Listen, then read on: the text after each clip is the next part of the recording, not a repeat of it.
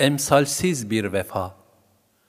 Allah Resulü sallallahu aleyhi ve sellem fetihten sonra Mekke'de 15 gün kaldılar.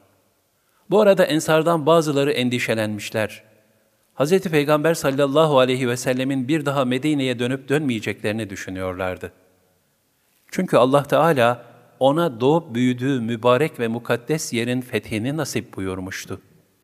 Safa tepesinde dua etmekte olan Hazreti Peygamber sallallahu aleyhi ve sellem, Ensar-ı kiramın bu tedirginliklerini sezdiler.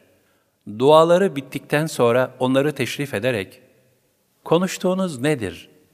diye sordular.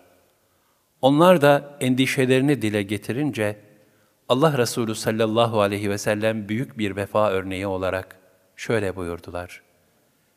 Ey Ensar! Öyle bir şey yapmaktan Allah'a sığınırım. Ben sizin memleketinize hicret ettim. Hayatım hayatınız, ölümüm de sizin yanınızdır. Bu ifadelerden sonra Ensar'ın endişesi zail oldu.''